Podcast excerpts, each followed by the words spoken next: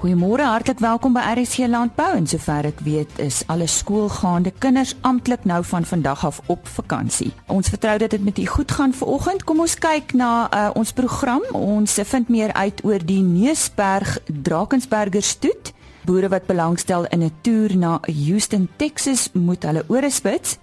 Dan vind ons uit wat is in die Desember uitgawe van Veeplaas ons uh, gebruikelike bruselose gesprek van die week kom uh, ook aan die beurt en so tussendeur bietjie landbou nuus. Ons begin juis met landbou nuus vir oggend. Nuus oor buffelsiektebeheer. Die staat het nie die vermoë om 'n behoorlike diens te verskaf om siektes soos tuberkulose onder buffels te hou en te beheer nie en 'n ramp dreig, sê Dr Gary Bauer, 'n veearts van Limpopo. Hy het op 'n onlangse vergadering van die Limpopo Dieregesondheidsforum die ernstige waarskuwing aan buffelboere gerig. Hy sê die afstand wat staatsveeartse met amptelike voertuie mag ry, is sover hy weet beperk tot 2000 km per maand en in Tabazimbi, Valwater en Ellis Ras ry hulle die afstand gewoonlik binne die eerste 2 weke van die maand. Om hulle teenwoordig te kry by die verskuiwing van buffels om die nodige toetse te doen en toesig te hou, moet buffelboere die veeartse dan self gaan haal. Daar is glo gevalle waar boere hulle buffels laai en die vragmotor hou dan op die dorp stil waar die deur verseël word. Staatsveeartse se werklading het dramaties toegeneem. Hulle kom nie meer oral uit nie en privaat veeartse moet nou hulle werk begin doen wat meebring dat die werk nie noodwendig altyd op dieselfde manier gedoen word nie. En nou oor na Henny Maas waar hy meer gaan uitvind oor die Neusberg Drakensberger stoet. Ons gesels nou met uh, Clift Vroon. Hy is die algemene bestuurder en stoetmeester van die Neusberg Drakensberger stoet. En uh, ons gaan 'n bietjie met hom gesels oor oor hierdie stoet. Hoe het hierdie uh, stoet tot stand gekom?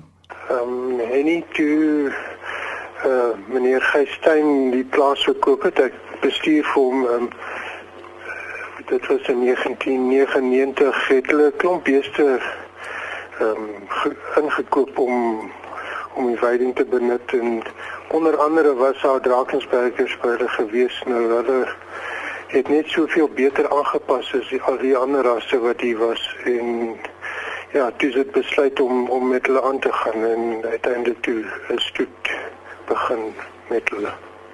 Uh, Presies waar is uh, die stoetery geleë? Neusberg, waar is dit? Um, Neusberg is aan die Richmond kant van Middelburg, nie. Hy's hy's naby die Sneeuberge. Ehm um, ja, die Sneeuberge is bleef Nieuwbethesda se kant toe en ons is aan die noordelike kant van die van die berg. So daar is seker 'n verskeidenheid veldtipes op die plaas, né? Nee? Ja, en nie, ons het goeie karooveld onder in die vlaktes, maar hy raak suur. Ehm um, en ja, uh, die veral met die hoë reënval hier teen die berg uh, is die gras baie suur hier. En wat is die impak dan uh, op julle kudde as daar so uh, suur gras is? Ja, sy voedingswaarde is net soveel minder en jy die soetgrasse wat 'n mens aan gewoond is onder in die vlaktes en in die Vrystaat en so aan is is nie eers ons kan nie by daai voedingswaarde kom nie. En julle teelbenadering, wat is dit presies? Ehm um, en ja, ons probeer sover as moontlik diere teel wat wat by ons toestande aangepas is. Ehm um, dit help nie om diere te teel wat wat uit 'n sak uit moet lewe nie. So jy wil hê die die die diere moet aanpas by jou omstandighede en hier gedei en produseer. Uh, met julle 116 stoetkoeie was daar nog al 'n interessante bevrugtingstempo. Vertel ons 'n bietjie daarvan. En ja, ons het ja 116 stoetkoeie en van hulle dink ek 96% het hierdie jaar geneem onder hierdie droë toestande die, in die verse het ons 26 in die stoet gedek hierdie jaar wat net toe het nie pragtig geraak nie. En en hierdie prestasie waaraan sou julle dit toeskryf? En ek dink eerstens is dit die ras wat so goed aangepas is en dan seleksie vir ehm um, reproduksie eienskappe ehm um, ja, dit dit als kom tot so resultate uiteindelik dink ek. En die ding dat julle gespeende um, bulle, jong gespeende bulle in bergkampe plaas om uit te groei en die produksie met ons dan daar doen. Uh hoekom die denkwyse?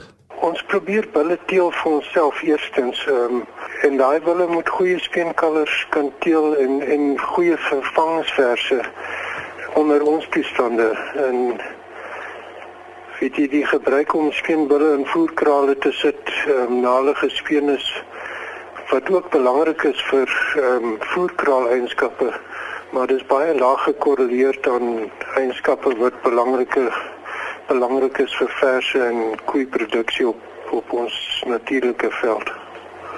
En en genetiese evaluasies van die bulle wat jy nou selekteer is nogal belangrik, né? Nee? Ja, dit is baie belangrik. Ja, 'n bul se effek op 'n kudde is seker 30 tot 40 keer groter as die van 'n koei as jy nie op jou bulle goeie seleksie toepas dan dan gaan jy baie vinnig agteruit gaan um, en en kos ongelukkig het 'n baie mooi kleur so jy jy kan nie die genetika daaronder sien so as jy nie vir genetiese eienskappe selekteer ehm um, gaan jy dit nie uiteindelik behaal nie En julle kudde gemiddel is uh, vir die logic koeiwaarde en die logic kalfgroei. Uh, julle het baie streng seleksie maatstawwe, nee. Ja, nee ons probeer so ver as moontlik ehm um, goeie seleksie toepas met wetenskaplike uh, maniere en nie. Ek glo dit waar bemark julle. En nie ehm um, ons het 'n Karoo Drakensberger klub ehm um, wat 'n veiling hou elke jaar in Augustus hier naby Hannover op op die plaas Gordonsfontein en dan neem ons ook Karoo bulveiling toe in Oktober en dan is daar bulle op die plaas ook beskikbaar. Nou ons sê baie dankie aan Clift Vroen. Hy is die algemene bestuurder en stoetmeester van die Neusberg Drakensberger stoet. Baie dankie Henny. Nou eers nog landbou nuus. Die internasionale suiwelhandel het die afgelope 3 jaar groot terugslag beleef en daar lê nog sulke uitdagings voor. So lui 'n verslag deur Rabobank. Faktore soos die Russiese handelsembargo, 'n dalende aanvraag uit China, die impak van lae oliepryse op die aanvraag uit olieproduserende lande en die versterking van die Amerikaanse dollar word as redes aangevoer. 'n Verhoging in produksie in die Europese Unie as gevolg van die opheffing van die kwotastelsel het ook tot 'n tydperk van baie lae wêreldpryse gelei. Volgens Kevin Bellamy, 'n internasionale strateeg by Rabobank, is geen van hierdie kwessies nog opgelos nie. Dit bring mee dat handel in suiwelprodukte teen 'n stadiger pas sal groei as in onlangse jare. Groei sal hoofsaaklik deur bevolkingsgroei eerder as deur hoër per capita verbruik bepaal word.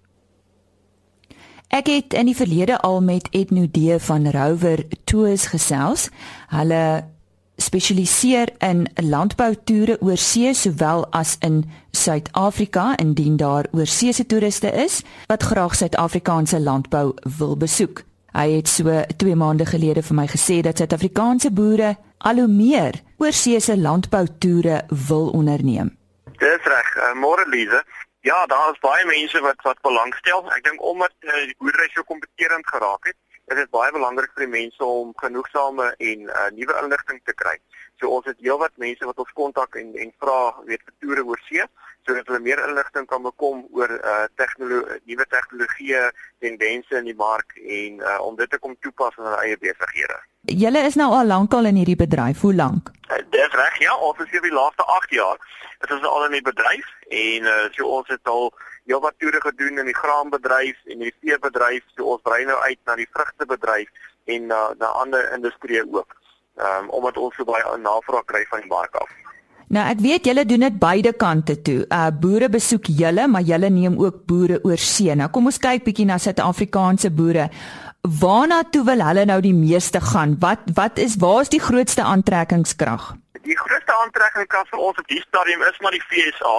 Die FSA is maar 'n baie groot moontlikheid en baie van die nuwe tegnologieë, veral in die graan en die veebedryf, kom van die FSA af. Um en dit is altyd lekker vir die ouens om soek te gaan. Um dit wat dit baie maklik maak in die FSA's. Die mense praat Engels, so daar's nie 'n 'n taal 'n barrier dis in Engels sou sê wat wat ons daar het nie en ook die mense is baie vrygewig met hulle inligting. En ek dink dit is wat wat baie um, goed is vir die vir ons boere om toe te gaan om dit te gaan sien. En soos ek laas ook gesê het, ons boere is maar baie dieselfde soos die Amerikaanse boere. So hulle kom baie goed uit die weg. So vir die graan en vir die veebedryf as wat ek sê, uh is is is die FSA As ons kyk in die in die melkbedryf, ehm um, is dit meer Europa en die vrugte en en so aan.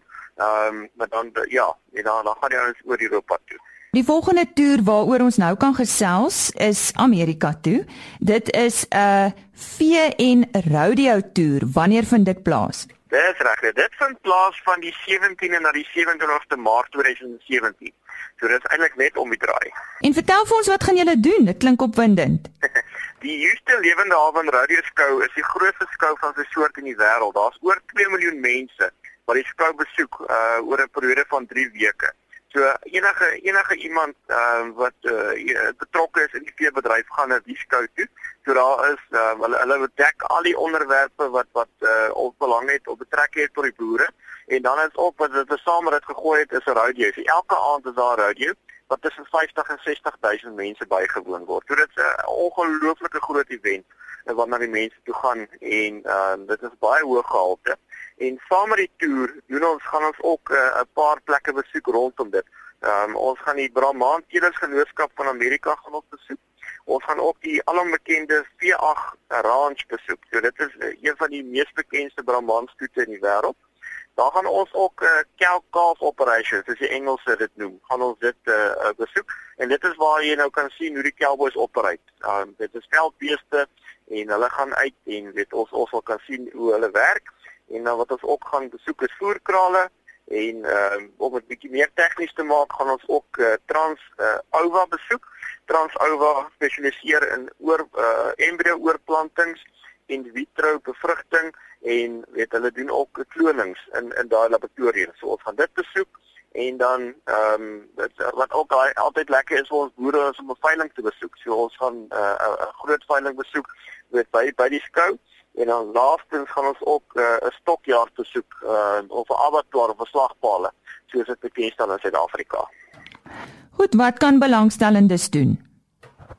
Die belangstellendes kan ons gerus kontak ehm um, op my selfoonnommer 082 563 5688 of hulle kan 'n e-pos stuur aan admin@rowertours.co.za of hulle kan net ons webtuiste besoek uh, www.rowertours.co.za en hulle sal meer inligting daar kry.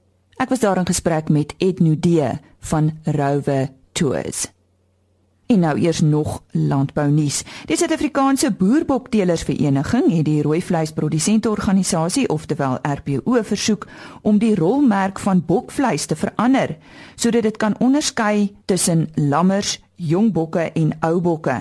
Daar word tans net een kleur vir bokvleis gebruik en dit verwar die mark. Die vereniging wil bokvleis meer aggressief bemark en die verskillende rolmerke sal meer verbruikersvriendelik wees. Die RPO sê hy ondersteun die versoek. Die prosedures wat gevolg moet word om die rolmerk te verander, sal tydens die RPO se uitvoerende raadsvergadering in Januarie bespreek word. En nou vir 'n bietjie meer oor die Desember uitgawe van Veeplaas Albert Loubser. Die Desember uitgawe van Veeplaas op Irak. 2016 eh, gaan versekerde jaar wees wat die meeste van ons bly is om vaarwel toe te roep, maar ons hoop dat die lesse wat ons in 2016 geleer het nog vir ons uh, baie goeie dividende gaan oplewer volgende jaar en die jare wat daarop volg. Wanneer mense jaar so afsluit, het ek 'n bietjie teruggekyk oor die jaar en is waarskynlik die moeilikste jaar uit 'n droogte oogpunt gehad ooit. Dink niemand van ons het gedink dat ons ekonomie so fiks is, kan ek dit noem, dat met uh, soveel uitdagings ons nog steeds die jaar eintlik ekonomies sterk afgesluit het. Maar ek dink die belangrike ding wat ons moet vat uit 2016 is hoe fiks ons bedryf geword het, hoe uh, ons absoluut die vermoë ontwikkel het om uitkomste te sien daar waar die meeste mense bloot probleme sien. Die belangrike ding is om daaruit dan die lesse te vat vir 2017. Ons hooftema vir die vir die uitgawe is dan ook tegnologie. Dit is en bly een van die belangrikste uitdagings vir ons vorentoe.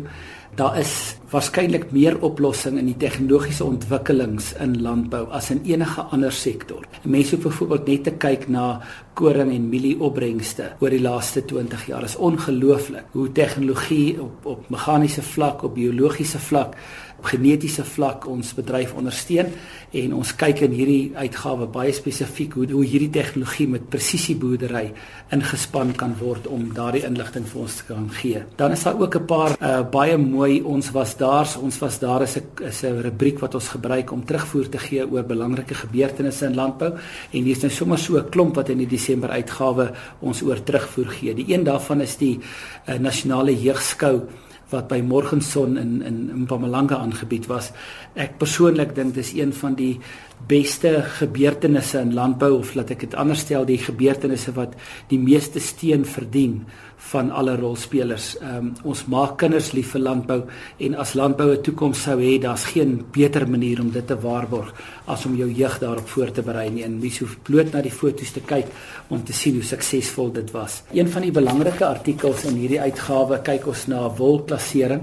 Dit is so 'n belangrike faktor want dit bepaal prys waarskynlik meer as die meeste ander dinge. Dan is hier 'n artikel wat Nolan Du Plessis geskryf het oor die gebruik van tegnologie om voer uh, inname meer ekonomies te maak. Ek dink uh, absoluut in die lyn van dit wat wat ons oor presisieboerdery sê, uh, voeding waarskynlik die enkel meer uh, meetbaarste punt om om om presisieboerdery uh, in die veebedryf uh, uh, te ondersteun.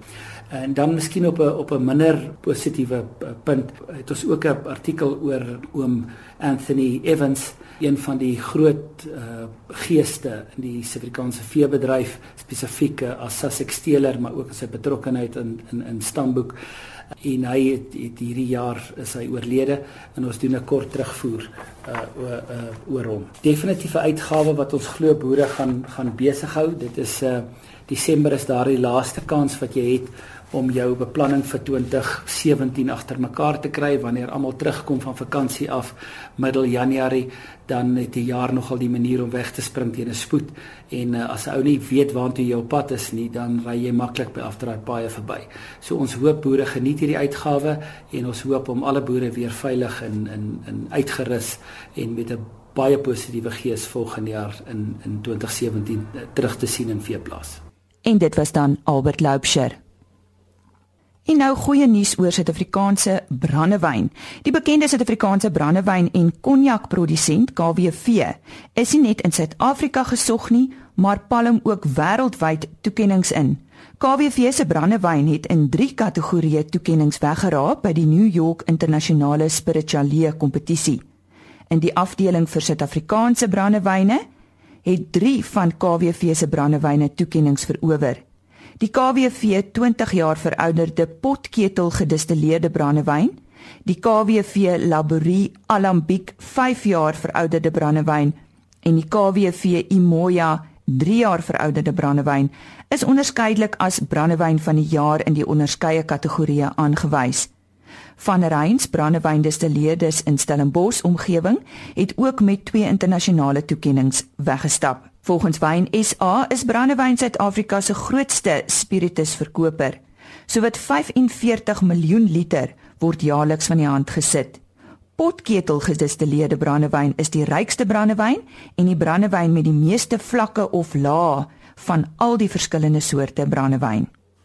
In ons uh, reeks oor brucellose gaan Dr. Steven Hughes van Howick die gaan gesels oor biosekuriteit bewuswording en voorkoming van. Yes, Henny. Um, I think when, when we talk about um, how can farmers protect their cattle from brucellosis, I, I want to emphasize two uh, key points, and that is biosecurity and and vaccination. Um, when I refer to vaccination, uh, I, am talking about the appropriate vaccination of female cattle, and when we talk about biosecurity, we're trying to reduce uh, the risk of introducing brucellosis into a new herd and, and, and into a clean herd and spreading the disease in the herd. And the most important point with regards to biosecurity is limiting the introduction of new cattle into the herd or um, knowing um, the status of those new cattle that are, are coming onto your uh, property and going to be mixing with your herd of cattle. Um, so uh, that, that's those are the two points that I'm going to really focus on today. The as I say, how, how is the disease introduced into into a, into into a herd? Well, brucellosis is really um, there has to be an infected animal um, or infected material that comes into contact with um, cattle that are not infected, and this is how the disease is introduced. Now, when when we're speaking about biosecurity, um, we're talking about trying to maintain a, a, closed herd, and that practically is a very difficult thing to do because there are cases where uh, farmers want to bring in new new cattle onto their farm, and um, this is the the biggest biosecurity risk um, is when new cattle are brought onto a farm, and especially those cattle that have an unknown history regarding their herd health status. Um, uh, no brucellosis testing available uh, or information ab- about brucellosis testing, um, and there's also a lack of history regarding vaccination status. So if new cattle are brought onto a farm, the uh, buy cattle from a trusted source. Uh, the best practice is to ensure that they originate from a certified negative herd with a history of brucellosis vaccination and always request a history and supporting paperwork um, that that you can obtain um, from uh, the farmer who is selling the, the cattle, and also make contact with the private veterinarian or straight veterinarians in that area, as they will have a good idea of what the risks are, uh, what the risk of um, brucellosis is in, in the particular area that those animals are originating from. And uh, so, so try and get as much information about the cattle that you are bringing onto your new farm as, as possible, because that is the the biggest risk factor um, regarding introducing the disease into your herd. There are obviously other risk factors involved, um, and that is if, for instance, the neighboring herds are infected with the disease, how can, um, and the question is then, how does the disease move from the neighboring cattle into your clean herd? Well, for instance, it's, it's quite difficult to maintain um, boundary fences um, at, at all times, and if the if there is um, a time when the, the two herds can mingle together um, and there's that shared sort of grazing situation develops, that's a risk factor when um, an infection can pass from one group of animals to another group of animals.